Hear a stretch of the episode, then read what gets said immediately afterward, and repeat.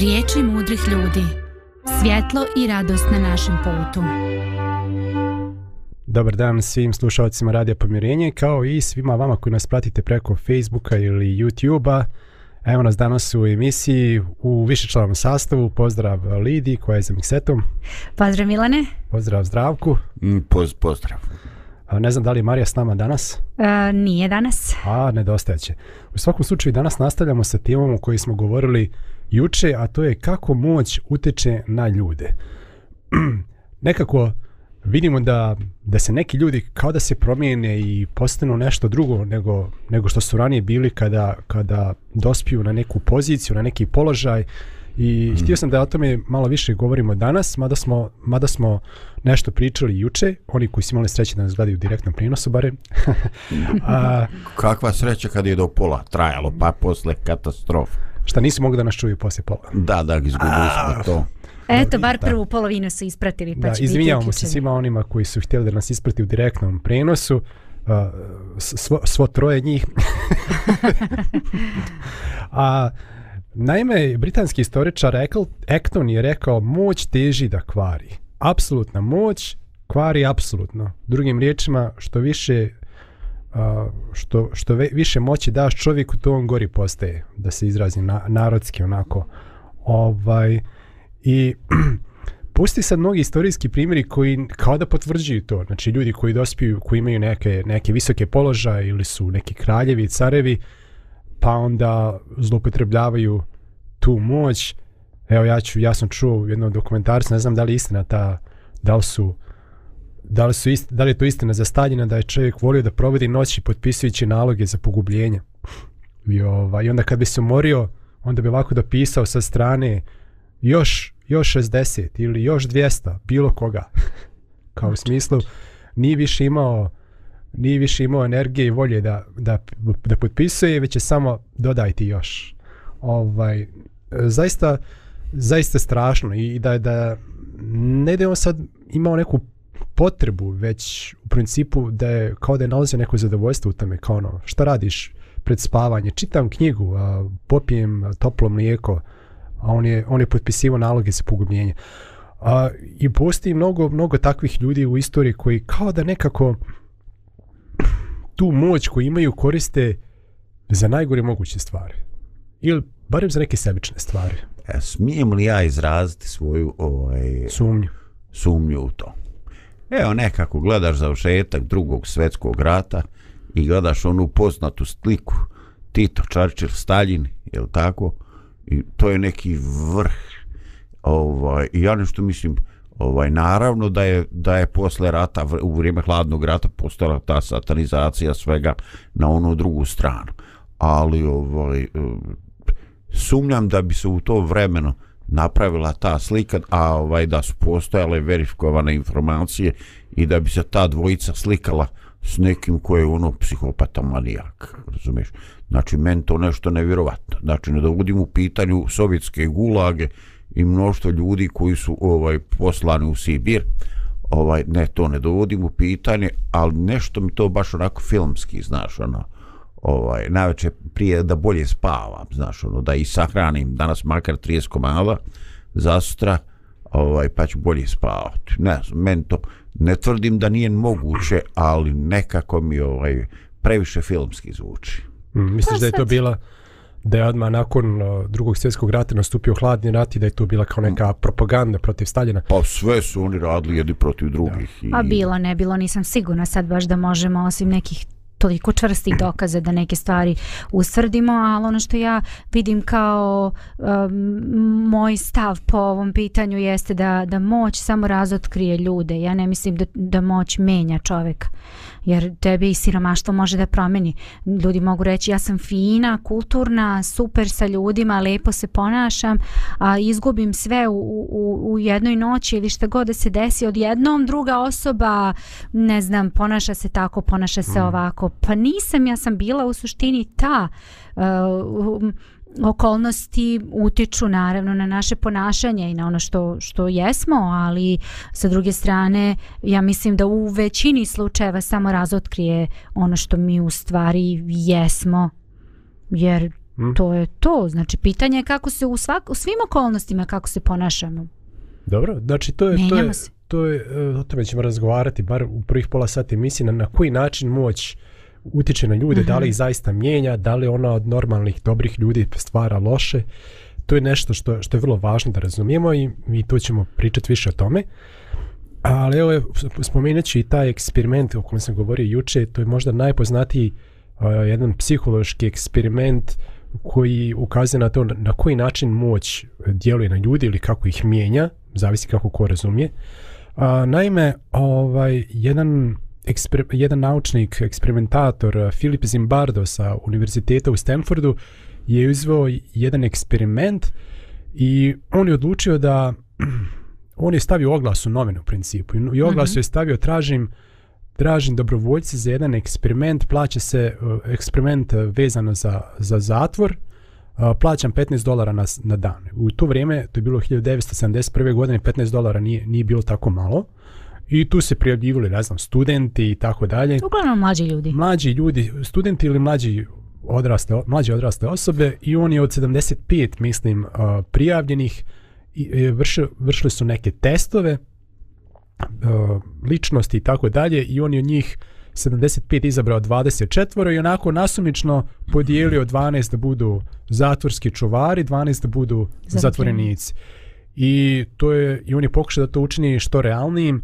Tako da te koji su se prijavili, a koji su ispali da budu zatvorenici, znači policijska kola su došla po njih, policajci, uniform, izvodi ih iz kuće, pretresa ruke na auto, pretresa ih, stavlja lisice, komšije sve izlaze, gledaju, znači pokušaju da to učini što realnim. Tamo u policijski stanici uzimaju podatke, otiske prstiju, sprovode ih u zatvorsku ćeliju, Dobro, zatvorska ćelija vidjela se da nije baš prava zatvorska ćelija, ali u principu bila je neka prostorija u podrumu, neka soba gdje su, bilo, gdje su bila vrata sa rešetkama. Tako da je da su htjeli da što više uh, dočaraju da to izgleda što realnije.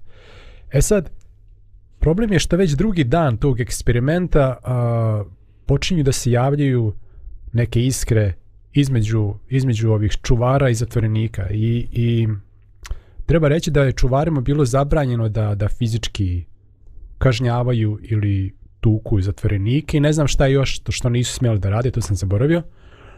A, ali su im rekli da treba da budu čvrsti, treba da budu, jel, ne treba da budu blagi prema njima, već treba da budu čvrsti.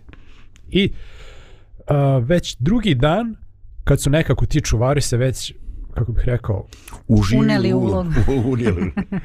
kad su već se ovaj unijeli tu ulogu svoju, oni su počeli da sprovode neke mjere u kojima su maltretirali, ponižavali, a, pa čak i, i psih, psihički kažnjavali te zatvorenike. Sad, ne znam, nija čitav rasmon toga šta su radili, ali otprilike počelo je od na, ajde idemo, samo svi sklekovi, radi sklekove, pa su ih, ne znam, skidali ih do gola, a, stavljali im neke vreće na glavu, sve u neko nekog kog, obezvređivanja i ponižavanja, pa onda kad nisu bili poslušni, onda sam izbacivali krevet iz sobe, tako da nisi imali kreveta, ili su im namjerno ometali san, što je isto jedna od metoda za one koji znaju i čitaju, to je jedna metoda psihološkog mučenja koja se sprovodi, ne znam, nekim zatvorima, nekim, neke tajne službe, ovo ono. O, znači, ne daju, ne daju zatvoreniku da spava i to dovodi do, do, do mentalne rastrojenosti i do uh, to je, to je jedna od metoda mučenja, kao što je, ne znam, nija, ovaj... Uskraćivanje od hrane uskraćivanje, ili od nečega. Da. Tako je, vode ili, ili dopuštanje da mu voda kapa na glavu po čito mm -hmm. vrijeme. Znači, to sve neke metode koje se koriste i one su takve stvari sprovodili nad momcima koji su kao i oni istih godina iz, i, i, ovaj, I onda je uh, Zimbardo došao do zaključka, pošto su to bili neki uh, pojedinci čiji su testovi bili negdje na sredini, znači niti su bili da su neki asocijalni tipovi sa poremećaj ličnosti, niti su bili neki koji se da kažem e, ističu svojom empatijom i saosjećanjem, već su negdje bili na sredini recimo, a, barem tako on kaže, što nisam, mm -hmm. nisam baš to posto siguran, a, ovaj, i da i od takvih, da kažem, normalnih ljudi a, se već nakon već nakon jednog dana stvaraju takve, takve situacije u kojima se jedni življavaju na drugima i tu moć koju imaju zlopotrebljavaju da bi, da bi ponižavali im, da bi mučili druge ljude. Um, mnogi i Zimbardo i mnogi taj eksperiment navode kao, kao dokaz, eto i normalne ljude kad staviš u poziciju moći, oni postaju, postaju zli. Šta vi mislite o ovoj ideji? Čak ja mislim da uh, koliko se dobro sećam da su oni uh, njima je rečeno da mogu da izađu iz eksperimenta kad god to požele. Mm -hmm. Međutim, u realnosti to nije bilo baš tako. Znači oni su vršili neku vrstu pritiska na njih da ostanu, da budu tu. Znači nije baš, i mislim da nije ni, ni otišao eksperiment do kraja. Ne znam koliko je dana beše bilo planirano. Zaboravila sam detalje. A, jest, 15 dana je bilo planirano da traje eksperiment. A, šestog dana je, je obustavljeno. Da je tako nešto, tako, da ovaj i to je i to je i to je djevojka uh, mhm. Bardiva djevojka je koja je izvršila kad je vidjela ka, šta se dešava ona je izvršila pritisak na njega da da prekine eksperiment zato što je zato što je stvarno bilo ono previše previše već mhm. Gubi šta šta šta šta sportski te, karakter šta te, znači već kad drugog dana počinju uh, sa nekim ponižavanjima šestog dana obustili eksperiment onda možemo samo da zamislimo šta bilo do 15. dana tako da nisu izveli eksperiment do kraja. Hmm. Da, sad, pitanje, izvini, ja sam malo izgubila se oko pitanja, vraćala sam se na ove detalje. Šta mislite o toj ideji da kad Aha. stavite normalne ljude u poziciju moći, da one se, da one se pretvaraju zle ljude? Da, da li ste vi, šta mislite o toj ideji? Meni je to ovaj, malo previše, ovaj, ali ako ima bilo kakav potencijal, uh, da se moć zloupotrebi. Ako to čuči u čovjeku, to će, taj događaj će svako biti katalizator, mm. ubrzat će to. Ovaj, ja ne mislim da čovjek koji u sebi ima empatiju, da će ga moć učiniti zlim. Ali ovaj, ako negde u njemu čuči mm. čežnja za moć i da tu moć materializuje, ovaj, da je ispolji, da kaže, e sad je mojih pet minuta, e sad ćete da igrate kako ja sviram, mm onda će se to ovaj, sigurno desiti i to u onoj mjeri u kojoj je ta moć e, neupitna u smislu nije podložna nikakvoj e, kasnijoj e, ocjeni sankcijama i tako. Mm. Ovaj, e, da, znači ako išta čuči u čovjeku, a svakom od nas čuči nešto, nešto loše, ovaj, to će sigurno pod o, osjećajem moć, ovaj, to će isplivati na površinu. Hmm. E, skoro je Božo imao emisiju ili sam čula od njega, ne sjećam se već u kojim okolnostima, da je pričao o drugom svjetskom ratu i o nekome ko je preživeo drugi svjetski rat i napisao je knjigu o tome, bilo ih je naravno više, ali jedan od. I on je baš pisao o tome kako ti kad, e, kad si u logorima i kad si tamo, znači ljudi jednostavno se pretvore u životinje jer ti moraš da preživiš moraš, mislim, ne moraš, ali to ti je, to ti je bukvalno preživljavanje. Znači, niko te ne pita sad, jel ti želiš novi auto ili možda voziš stari, nego hoćeš li preživeti te okolnosti. Pa onda borb za hranom, kad dobije i to malo, malo neke hrane da pojedu, to je znači bukvalno grabiš, guraš sa strane ljude, uzimaš, trpaš, samo da ti dobiješ bukvalno da bi preživao. Mm. I onda je on rekao, taj što je pisao knjigu, on kaže, ja sam odlučio da se ja ne ponašam tako. Ja sam odlučio da budem drugačiji, po kako mi bude. Ako izgubim život, izgubim život, ako ne izgubim, opet je u redu i to je to. Mm. Znači stav, stav puno, puno govori o osobi i o pojedincu. Sad ne govorimo, mi, mi živimo u nekim normalnim, realnim okolnostima, nismo, nismo u logorima, ali generalno da, da okolnosti utiču na naš stav. Ja sam malo pre sam, samo da kažem, ovaj, e, rekla sam da, da okolnosti samo razotkriju ono što je u nama, da i Zdravko je to spomenuo, ali moguće je da okolnosti i, i menjaju neke naše stavove i razmišljanja. Ja bih čak rekla da je moguće možda u nekoj meri i da se ponašamo onako kako inače ne bismo nikada prirodno i, i po nekoj svojoj po načinu na koji smo mi navikli i mislimo da treba da reagujemo u tim nekim situacijama. Ne bih, ne bih rekla u potpunosti da možda uvek razotkrije, ali generalno da, da. Mm. To je neko mišljenje.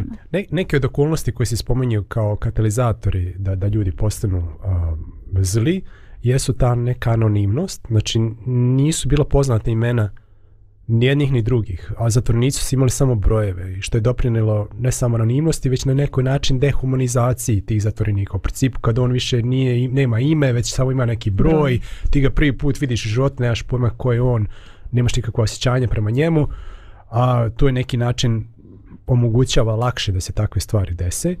A zatim, okolnosti u kojima u kojima ta postoji razlika u moći gdje su jedni nadređeni drugima. Međutim, postoji neke stvari koje se ne spominju, a to je da, da, da nije to baš tako uzmeš onako nasamično 12 mm. ljudi sa ulice i sad staviš ih u takvu situaciju. Znači, samo to što su ti ljudi se prijavili na taj oglas koji, u kome se vrši eksperiment vezan za zatvor. Znači, kod, i, i kasnije neko istraživanje iz 2007. ustanovalo da ljudi koji se prijavljaju na takve oglase imaju mnogo veći, veći stepen uh, naklonosti prema autoritarnosti, ovaj makijevalizmu, uh, prema, prema nekoj uh, dominantnim nekim društvenim odnosima i tako dalje nego, nego prosječna osoba. Znači, samim time što se prijavili za taj eksperiment, to već ih čini ne čini Oni su se već filtrirali. Jesu, e, Reci baš se, da. sami su se isfiltrirali, tako je. Drugo, to su bili muškarci, ne znam, od, od 18 do 25, 6 godina, znači, a, koji uglavnom imaju višak testosterona, a ne baš razvijene da neke, neke socijalne vještine, što se, jel, mislim, uslovno rečeno, i koji su više skloni nekom agresivnom ponašanju i nekoj uh, da ajde tak, tak kažem takmičenju za dominacijom to je neka to je više što je više sklono za neku mušku populaciju to neko ko će da bude prvi ko je, ko je vođa ko je lider ko će biti drugi do njega što je više izraženo recimo u nekom muškom mla, mlađem društvu a tako da da vidimo da to baš nije ono bilo evo nasimačno smo uzeli s populacije onako saulce koji su naišli u tom trenutku već da, da je to već neka filtracija i drugo nije to samo bilo da s njima rekli vi treba da budete čvrsti prema zatvorenicima i već sam kasnije i našao jedan video koji je neko snimio,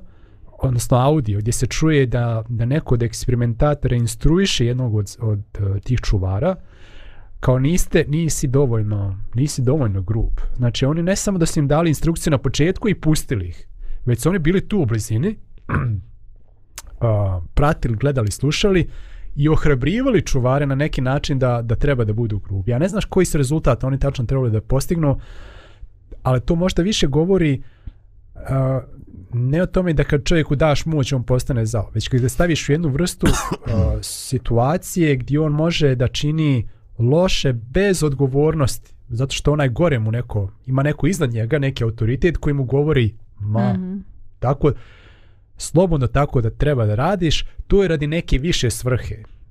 Više svrha u ovom slučaju eksperimenta je bilo, to je potrebno za napredak nauke, jel tako, nama, mi, nama će to biti korisno. I to je dobro da ti, da ti budeš takav. E sad, u svakoj okolnosti, ne znam, u nacističkim koncentracijalnim logorima, to je dobro za blagostanje naše nacije, nas ti jevreje izjedeju kao crvi, to je, to je dobro za nas da ako ti to radiš, mi tebe ohrabrujemo da budeš grub, da ti samo to tretiraš kao da su to crvi, ne znam nija, kao da su bezvredne, bezvredna bićane ljudi. A, znači, u svakoj situaciji možeš ti da namistiš tako to i za neko više dobro. Ti nešto što je loše na, nazoveš dobrim. A, i, I u takvim okolnostima možda to više govori o moći institucije da čovjeka liši njegove savjesti, da, da čovjek odbaci svoju savjest i neku empatiju, zbog toga što mu je neko dozgo rekao i on i nemaš nikakve odgovornosti što to činiš, mm. naprotiv bit ćeš pohvaljen i nagrađen. Uh, ako, ako činiš zlo. I onda tako ljudi se na neki način odreknu se sobstvene ličnosti, sobstvenih nekih moralnih vrijednosti, a, savjesti i kažu dobro, ako je on rekao gore. Tako radimo. Tako radimo. Prije što nastavimo, hajde napravimo jednu muzičku pauzu. Maša ide pauza. Maša ide pauza.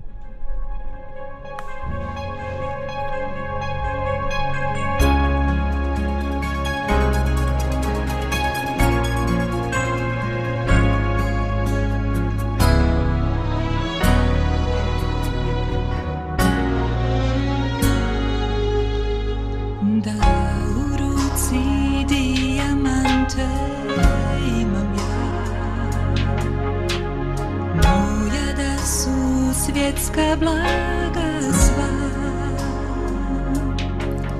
I da odgovore ima na sve tajne svemira Ni tada ne bih bila slobodna Možeš imat sve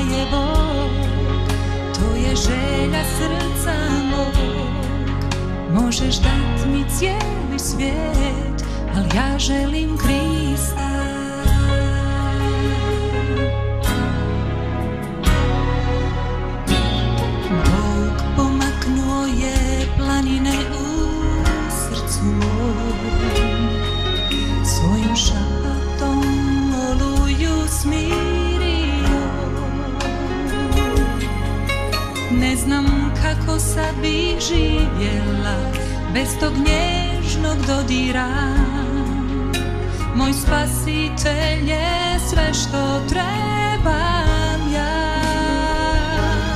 Možeš i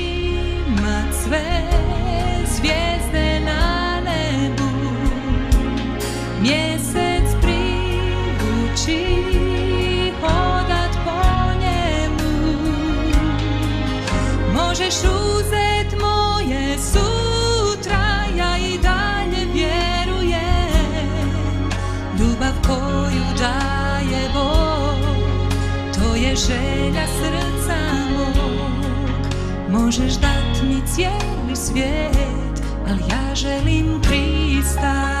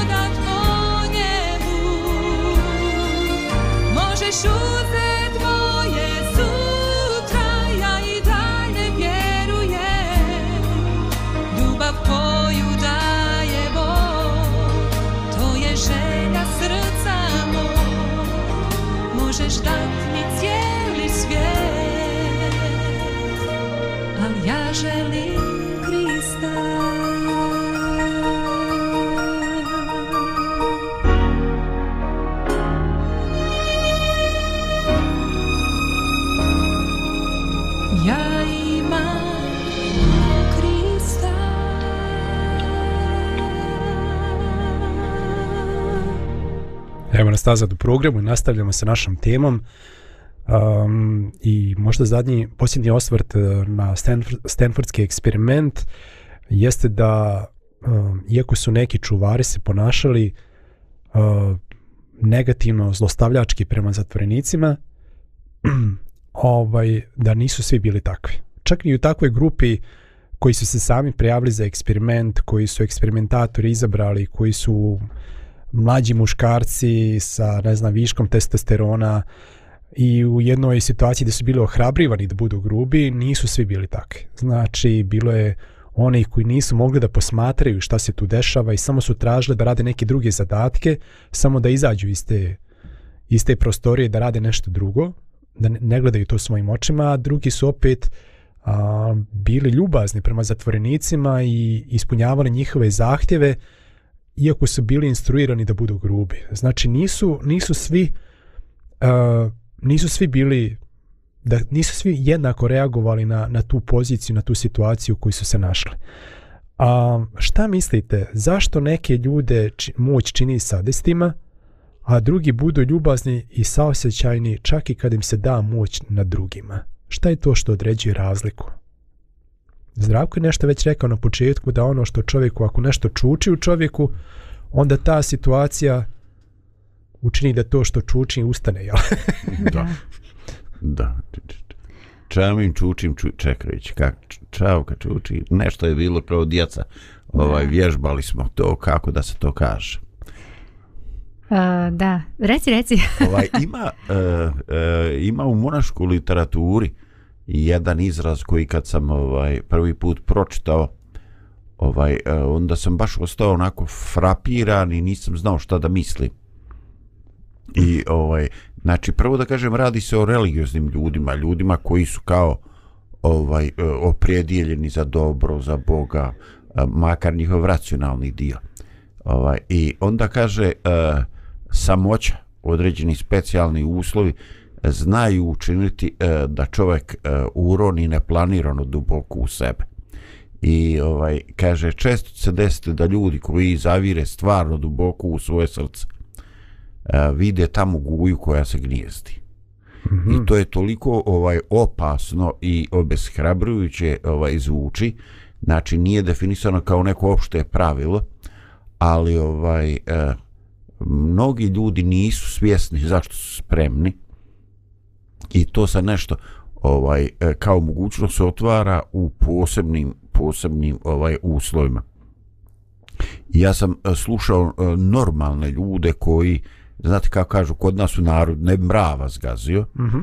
Ali ovaj koji su jednostavno u nekom razgovoru otvorenom, iskrenom rekli ja zaista ne znam zašto sam spreman uh, ovaj uh, da naiđem ovaj uh, na neko žestoko ponižavajuće ovaj uh, poniženja ili zlostavljanje moga djeteta supružnika ili tako. Uh mhm. -huh. ovaj, ljudi znači ne znaju na što su, na što su spremni i šta bi taj neka ekstremna situacija učinila na njihovo djelovanje. Ovaj, e, ja jednostavno se sjećam onoga ovaj, u molitvu oče nas ne dovedi nas u napast. Uh -huh. Da, ja bih se apsolutno s tim složila. Ne znam da li te prekidam. Ne, ne, ovaj, recimo ovaj, čak neki, čak uh, i žene, kažemo nježni pol, iako je to baš diskutabilno, one samo malo slabije mišiće imaju, a šta je nježno, šta je grubo, ne znam. Ovaj, recimo, uh, kad, je, kad je dijete ugroženo, ovaj, ja sam gledao situacije u kojima majka je puno ratobornija nego otac, kome je ovaj, dovoljno da je zaustavio opasnost, je tako, ništa se ne dešava. A majka i dalje skače kao pjetlić, ona išla tuk, tukla bi se sa dvojicom jačih od sebe. Mislim, razumeš, jer je to... Dakle, e, čudne su to stvari, ne, zna, ne, zna, ne znam šta da kažem, znači, e, ne bi garantovao, ne bi garantovao ništa ni za sebe, a kamoli za drugog čovjeka. Mhm. Mm, postoje naravno moralne vrednosti kojima mi učimo i podučavamo svoju decu i nekako je logično i tako mislimo da će naše deca da usvoje to i da će to tako da, da bude kroz život ali ne utiču samo roditelji na decu tu su i neki drugi utica i koje mi ne, koje mi ne možemo apsolutno da kontrolišemo bilo bi dobro da Pa možda i nije dobro da, da uvek sve kontrolišemo, zato što možda i mi sami nemamo apsolutno jasnu sliku šta i kako i kako u kojoj situaciji treba postupiti. Primjere radi kad ti dete kaže mene drug maltretira, udari me u školi, šta ja sad radim? Sad ti kao mhm. roditelj treba da doneseš ispravnu odluku. Nije uvek lako i ispravno moralno postupiti. Neće da dozvoliš da ti neko tuče dete. Znači treba da izrazi svoj stav. S druge strane ne možeš dozvoliti nasilje. Pogotovo ni, škola, ni škole to ne dozvoljavaju kako postupiti. Nije uvek vrlo lako. E, nije uvek lako odlučiti šta i kako. Sa druge strane, mi, e, složila bih se da mi ne znamo sa zdravkom što je rekao, ne znamo čak ni sami sebe. Ja sam bila prošle godine u situaciji da pričala sam možda i na radio da je moj tata bio ovaj, operisan imao je, ugradili smo dva, tri bypassa i tako malo je to sve teže ovaj, e, podneo i tako da ne pričam sa dugačku priču. Ali ono što znam jeste da uopšte ja nisam znala da ću tako reagovati na čitavu tu priču. Ja sam totalno neku pre nego što je on otišao na operaciju dok smo mi to sve planirali, sve to onako razumski izgledalo, ok, ide to u nekom pravcu. Međutim, kada sam ja ušla u priču, pogotovo kad sam otišla tamo i pogotovo još kad sam se vratila, on još uvijek nije bio dobro baš mi je bilo jako, jako teško i jako sam teško izašla iz čitave te priče mm. i mhm. situacije. I onda kad se izmaknem kažem pa kako sam ja to tako odreagovala, zašto? A ne mislim da sam to ja. Ja sasvim drugačije nekako prilazim svemu tome. Tako da nismo ni mi sami ljudi sposobni da uvek odreagujemo onako kako mislimo da bi trebalo i da je naša priroda. A, hvala. Uh ono što neko, neko je rekao kao kad staviš pritisak ne, ne, nas ne čini lošim ljudima, pritisak samo otkriva ono što je unutra, kao kad se naranđa nađe pod pritiskom, iz nje izađe ono što je unutra, to je sok, jel tako? Tako je iz nas, tako iz nas izađe ono što je, što je bilo unutra i prije nešto taj pritisak se pojavio. A, da li je to baš kompletno tako ili ne, ali eto, zanimljivo je, zanimljivo je poređenje. A, Postoji jedna druga studija koja baca malo više svjetlosti na, na to da li, da li su na, na, na okolnosti koje su i na neke zaključke ovog Stanfordskog eksperimenta koji je izvršila a, profesorka Catherine Dessel sa Univerzitetu u Torontu. Pokušat ću malo da, da skratim tu njenu, tu njenu studiju. Ona se sastojala iz dva dijela. Najprije izabrala dvije grupe ljudi 172 odrasle osobe i 102 studenta i onda ih je prije samog eksperimenta ih je podvrgla nekim da tako kažem testovima gdje je nastavila da da odredi, odnosno, da odredi ono što ona naziva moralnim identitetom. Šta sad to znači? Ona im je a, um, ona im je nastavila da, da ona, je, ona naziva mora, osjećaj moralnog identiteta ljudi stepen do kojeg su mislili da je važno za njihov osjećaj sebe da budu brižni, saosjećajni, pravedni, velikodušni i tako dalje. Ovaj, znači on su radili, učesnici su radili neke testove najprije da ono odredi gdje se oni nalaze tačno, koliko im je taj moralni identitet bitan. Ovaj, mm. ako, ako je čovjeku bitno to da bude pravedan, da bude brižan, da bude saosjećajan, onda će oni u teškim situacijama da, da, da ispoljava takve osobine zato što je to neka njegova unutrašnja vrijednost koja se ne mijenja od, od situacije do situacije. Ali ako recimo osobi nije bitno da je velikodušan, da je saosećajan, onda neki drugi, onda neki drugi motivi oblikuju njegovo ponašanje kad se nađe u, u nekoj situaciji. Ovaj. Tako da, ne znam, ono što kaže u Bibliji, žena koja je bila tako meka da nije dodirivala tlo svojim nogama, postaće postaće tako sebična i, i bezosjećajna da da neće ni sa svojim djetetom da podijeli zalogove hrane, da sad ne ulazim u tekstove da. Mm. šta se tamo tačno govori i kako se grozote opisuju, a kao da neki način kaže eto takva koja u normalnim okolnostima izgleda kao da ne bi ma, mrama zgazila što, što mi kažemo danas, pretvorće se u čudovište, bezosjećajno čudovište u okolnostima koje, koji će se desiti u budućnosti. A, međutim, uh, Drugi dio eksperimenta se, se sada ne opisujem do detalja, ali se svodio na to da oni u principu, recimo, rečeno je, vi kao grupa možete imati maksimalno 500 bodova, a svaki od vas može da sebi da od neki broj bodova od 1 do 10. E sad, ako date sebi previše bodova, nećete dobiti ništa. a, I onda treba da odaberete neki, neki broj a ako daju premalo, opet neće dobiti, a, opet neće. da. I onda su jedni razmišljali o nekoj situaciji u životu kad se, kad se osjećali moćno i nakon toga su trebali daju se neki broj bodova, a drugi su trebali da opišu svoj uobičajni dan i da onda debi sebi, sebi daju. Tako da su jedni i drugi bili pod nekim drugim osjećanjem i ovi koji su bili, koji su tako evocirali uspomene na neki dan, neki događaj u životu kad su se osjećali baš ono moćno, on su se davali jedan sedam i pol bodova dok oni koji su razmišljali u običnom danu dali su sebi pet i po. Mm. A, što znači da taj nekakav osjećaj moći navodi ljude da sebe stavljaju u prvi, u najvažniji položaj, iznad potreba zajednice, iznad potreba drugih ljudi. I onda su se tu također pokazale te, te individualne razlike u testovima, da ljudi koji su pokazivali kojima je taj moralni identitet bio važniji, da oni su bili skloni da razmišljaju o potrebama zajednice, potrebama drugih ljudi, drugim riječima. Dok oni koji su koji nisu imali taj izgrađen moralni identitet, kojima te osobine ličnosti, te neke vrline nisu bile toliko bitne, oni su u situacijama stavljali prvoga sebe. I mislim da to dosta baca svjetlo na to šta se dešava kad ljudima daš moć. Znači, ako su ljudi imali izgrađen takav moralni identitet, da su im neke uh, um, vrijednosti bile važne, kao što su jel, saosjećanje, pravednost, velikodošnost i tako dalje, oni će i u teškim situacijama da ostanu uh, vjerni tom svom nekom moralnom identitetu.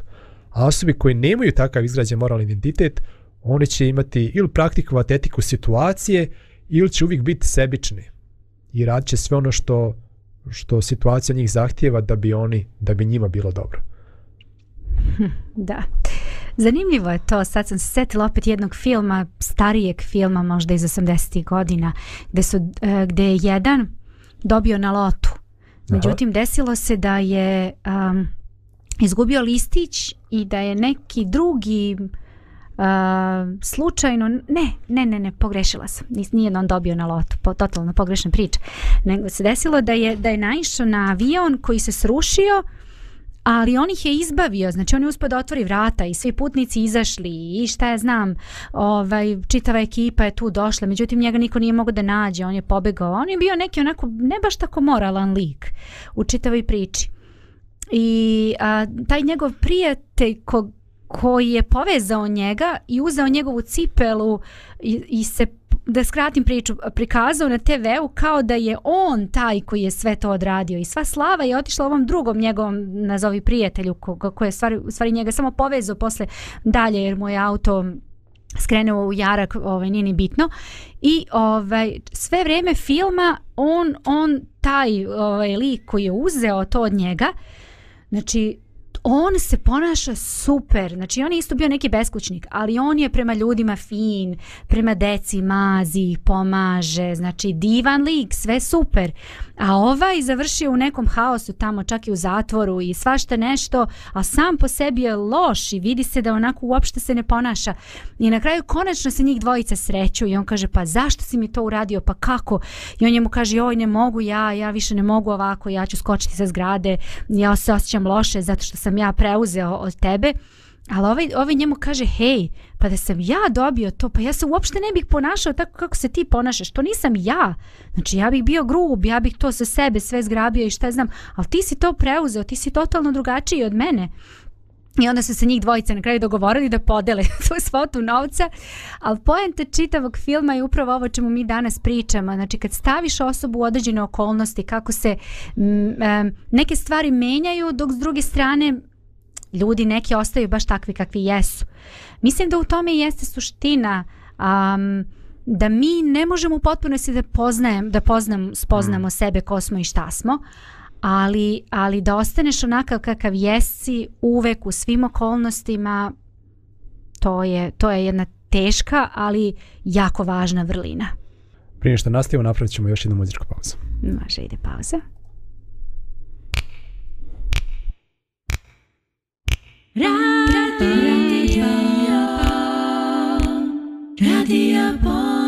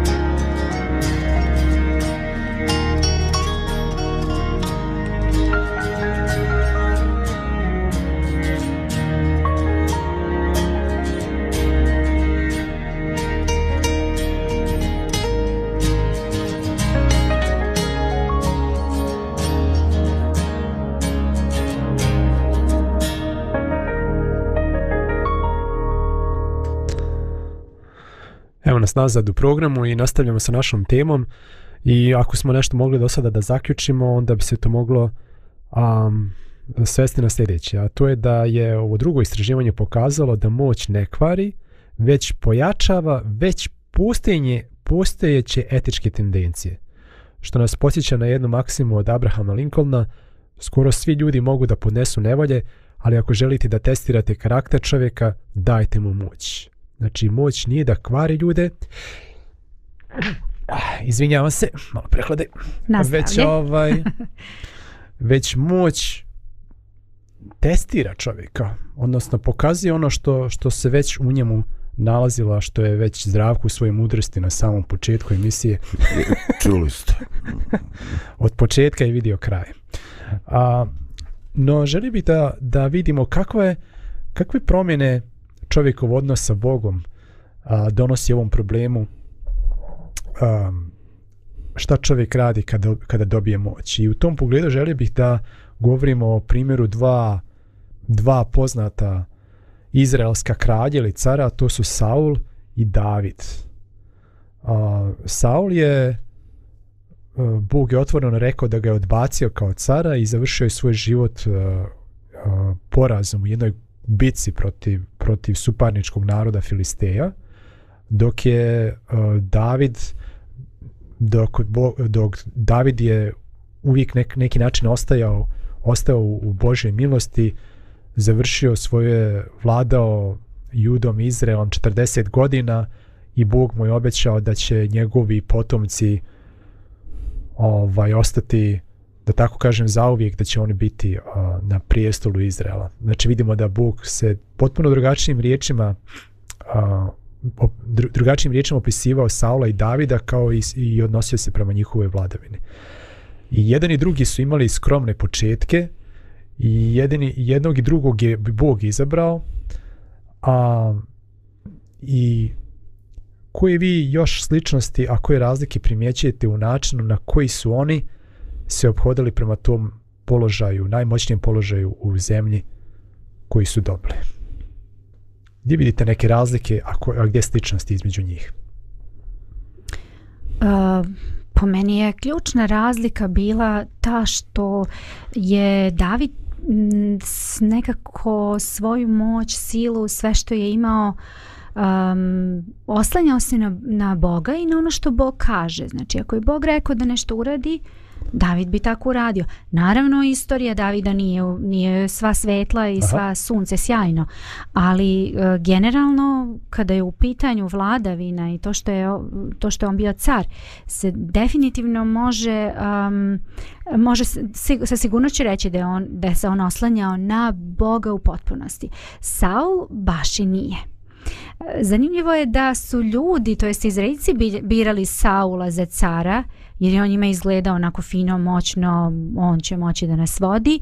Uh, fizički je izgledao savršeno za cara, mi nemamo pojma kako je on izgledao, ali izgledao je... Znamo da je bio za glavu više od svih nas. Jest, jest. Uh, ali to pouzdanje, znači Saul je dobio neke zadatke od Boga, neke zadatke obavljao delimično, a neke uopšte nije obavljao nije ih jednostavno izvršavao. Jer je on mislio da treba neke stvari da se urade na neki način. Dok se David nekako, kažem, u potpunosti na Boga oslanja i mislim da je to onako bila neka ključna razlika. Zdravo, da, da li ti pade neke, neke situacije? Sličnosti se... obojica su bili, ovaj, obojici je Bog podario prijatnu važištinu koja je skretala pažnju eh, ljudi. Oba dvojica su došli u poziciju moći ovaj ono što me što je drastično ovaj a to je e, e, to je koliko su oni e, koristili kočnice u svom životnoj putanji e, na primjer kad je stvar eskalirala kad Saul pokreće kampanju da nađe Davida ga i ubije ga sjećate se one scene ovaj u kojoj David dolazi kod uzglavlja ovaj Saulovog zabija koplje uh, Znači, kao što sam stavio koplje iznad tvoje glave, mogao sam ga staviti kroz tvoje grudi i onda se tiho povlači i zove sa brda da se ne bi ugrozio. I kaže, evo, Saul, eto, vidiš li, vidiš li to, vidiš li šta sam uradio, vidiš li da, da je Bog dao, jel, dušu tvoju meni, ali nisam ti dušmanin. I ovaj, ono što mene ovaj, fascinira, što na trenutke Saul, ovaj, e, je spreman da zaplače, spreman je da prizna, spreman je da kaže svaka čast. Ali već nakon određenog vremena on nastavlja sa svojom mržnjom. Ovaj, I Saul je meni nešto kao ovaj eh, prototip ljudi što bi u Bosni rekli nije on sam svoj. Ovaj to je baš značajan i, i, i ovaj eh, izraz koji je ovako više slojan u značenju. Mm. Nisi sam svoj. Mm. Ehm, ovaj, e, tvoje biće ne komanduje samim sobom postoje tu još neki entiteti ovaj, e, čak u nekim situacijama mi znamo dok se još nije bio taj sukup kulminirao ovaj, e, da, je, da je Saus pada u razna neka raspoloženja depresivna, anksiozna i da je ovaj David svirajući mu i pjevajući mu terapijski dijelo osmirivao ga. Uh, ovaj e, takle duhovni status ovaj ne znam da li se radi o psihičkom zdravlju ili ili od nečemu gorem ovaj ali uh, oni su bili znači potpuno potpuno ovaj potpuno različiti da s tim da kažem da u toj da u tom vremenu kad je Saul proganjao Davida sa željom da ga ubije Bog na neki način već se opredijelio znači u tom trenutku to je već bilo nakon što je uh, prorok Samuilo ili Samuel pomazao Davida da će da bude sljedeći, sljedeći car. I to je već bilo nakon što je Bog odustao, digao ruke od Saula. Da. Znači, bile su neke stvari koje su se desile prije toga, a, zbog kojih je Bog odbacio Saula i izbrao Davida. Da. Ali pogledaj, ovaj, upravo, to sam, upravo to sam htio da naglasim.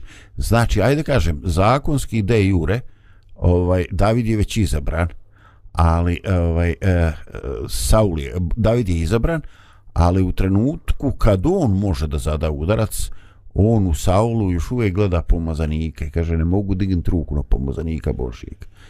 Pa makar bio i bivši. A koliko je to različito od ove naše balkanske balkanske priče i ne samo balkanske i šire ovaj gdje eh, smjena ovaj nekih dinastija je eh, e, o, o, obično se ovaj e, jedna dinastija dolazi vlast tako što ovaj uništi ili ili na neki način e, pobije predstavnike te prve dinastije. Znači e, stvarno da bi nekome svanulo drugom mora žestoko da smrkne. Ovaj mi ovdje imao potpuno obrnutu situaciju, David je čekao da Bog ako si namjerio da ja budem car, onda ti to i realizuj. Ne, nije išao da pomaže Bogu ovaj, pusti, pusti situacije u kojima se vidi kako Saul i David različito reaguju. Lidija ti spomenula jedno da se David uvijek ostanjao na Boga i čak i kad mu je Bog govorio neke stvari koje nisu izgledale logične i koje su bile opasne za samog Davida i ljudi koji su bili s njim, David bi rekao dobro, idem. Recimo, znači evo, čak i u tim situacijama kada je Saul ga proganjao, znači uh, a, njega car države želi da da ubije. I on se sklanja u neke, neke pustinje, neke, neke, neke predjeli izvan njegovog dosega i njemu Bog, pošto je jedan, jedan sveštenik je bio sa, preko koga je a, David mogao da pita Boga za savjet i on i Bog mu kaže vrati se u judu. Znači vrati se tamo gdje je Saul može da te, da te uhvati ponovo. I ta, tako jedna savjet zvuči nelogično zašto bih izla, iz, išao tamo izlagao svoj život opasnosti Mečki kad sam jedva pobjegao kad sam mm -hmm. jedva pobjegao prošli put međutim David kaže ako je tu Bog rekao ja idem ili recimo ne znam neki suparnički narod osvaja jedan grad Kejlu i, i David pita Boga da li da idem tamo i Bog mu kaže idi daći ti u ruke i on ide tamo iako zna da, da Saul hoće da ga ubije on ide tamo spašava neki grad Znači vidimo dva principa. Vidimo princip šta god Bog kaže, ja ću to da uradim jer vjerujem Bogu. A drugi princip jeste da stavlja interese uh, zajednice, u ovom slučaju njegovog naroda, izraelskog naroda, iznad sobstvenih interesa. Znači on ide rizikuje svoj život da bi izbavio nekakav grad od napadača.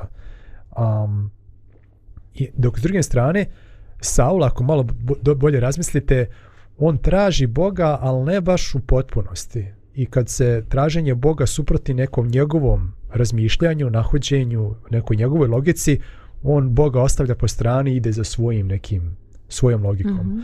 A, ne znam, primjer kada je trebalo da čeka na proroka Samuila ili Samuela da prenese žrtvu, a vojska oko njega se osipa zato što je tu neprijatelj blizu, bitka je blizu, narod se boji i bježi i on šta bi, kako bi, nije znao šta da uradi kako bi spriječio osipanje svoje vojske on sam prinosi žrtvu. Sad onaj ko, ko je čitao stari zavic zna da je jedino sveštenik. sveštenicima bilo dozvoljeno da prinosi žrtvu i ti kad prinosi žrtvu on i sveštenik pa kao da si prinio, kao da si idolu prinio žrtvu. Tako. Znači to je, to je bio veliki grijeh. Uh, Međutim, oni u svom nekako u svojoj logici, hajde mi da nije bitno oće li on ili ja. On gleda na psihološke elemente. Da, na, da, da. Znači, da. Tako, on se osnije na psihološke elemente, na logiku. Isto tako, Bog mu da jasan zadatak. Bio jedan narod vrlo pokvaren, užasan na malici u to vrijeme. Uh, I oni su tao kao lešinari bili. Znači, kad su Izraelci se povlačili preko pustinje, on se napadali onako sa ozada, gdje su oni najslabiji djeca i starci i tako dalje. I oni su tu napadali Izraelce tamo sa te strane. Ili čak i u vrijeme Davida, uh, e, Filisteji idu da ratuju protiv Izraelaca, ide i David sa... ide i David tamo, a, a malici upadaju uh, u selo gdje više nema muškaraca koji su otišli prije dva dana na, u, na, u bitku i oni upadaju u selo i uzimaju sve žene i djecu i pljačkaju sve, svu stoku i pale selo. Znači oni su bili takvi ljudi. Ono. I Bog je Saulu rekao idi, taj, idi tamo malicima i sprovedi moj sud nad njima međutim i pobiji svu stoku. Međutim, Saul ide, on pobjedi te Amalike, međutim Stokać to bi ja sad ubio mm. Modo, nije Treba će gospodu, kaže vi, e, vi dobrih ovaca, gledaj čveč, to ti mm, blago Znači tada še svime Šta yes. tu sudaka moglo biti od ovog ljuda To mi to sad uništili, budu da I onda evo nađe kompromis, aha, narod hoće da se to zadrži, a Bog kaže da se to uništi, ništa, ja ću Bogu priniti žrtvu, a ovaj, tako da će da Bog dobije jedan dio, jel, a i narod će da dobije svoje. I onda on tako pravi neke kompromise između želja ljudi i Bože zapovesti, a onda mu poslije Bog preko proroka kaže zar su mile Bogu žrtve? Mm. Ovaj, poslušnost je bolja od žrtve. E, I to je ono što što Saul nije mogao, nije mogao da shvati. I ovaj, kad već govorimo o tome da čuva da čuva ovaj da David nije htio da ubije Božeg pomazanika, A s druge strane, Saul se nije prezao da pobije, mislim, čak 70 božih pomazanika. Znači, pomazanik je mogao da bude car ili sveštenik. A Saul se nije libio da, da, da da jednom, ne znam, božicu i da kaže pobi ovi, pobi sve sveštenike. Mislim da ih je bilo oko 70. I, I tu se vidi razlika kako Saul stavlja svoje interese iznad Božih interesa i stavlja svoje interese iznad, iznad interesa naroda ili zajednice i, i tu se vidi ta, ta razlika između Saula i Davida i, i zbog toga je David bio čovjek po srcu Božjem, a, a s druge strane za Saula se, kako Bog kaže, pokajao što ga uopšte postavio za cara. Evo nas na kraju ove naše emisije. Da li imate neki zaključak koji biste željeli da, da još podijelite što vam dolazi na um? Mora da je David bio bolji iz jednog razloga, sve svi lijepo rekli. David je bio muzičar. ovaj, da, ne, definitivno... Uh, poverenje, mi smo govorili o moralu. Ne znam koliko nekoliko. je bio dobar, zato što je Saul pokušavao dva puta da gubije koplje dok mu je... Pa to pusira. je do Saula, nije do Davida. Šalim se. Da, da. Ove, ovaj, definitivno govorili smo i moralu da ne možemo mi sami od sebe pričali smo u nekoliko emisija s tobom ovaj, vezano za tu temu definitivno nam Bog treba u svakodnevnom životu, u svakodnevnom iskustvu i kad dobijemo neke primus mi možemo, možemo da širimo ovu temu danas verovatno ne, ali drugi put znači imamo mogućnosti da da vladamo nad nekim ili nečim, kako ćemo postupiti? Moralne vrednosti. Mm.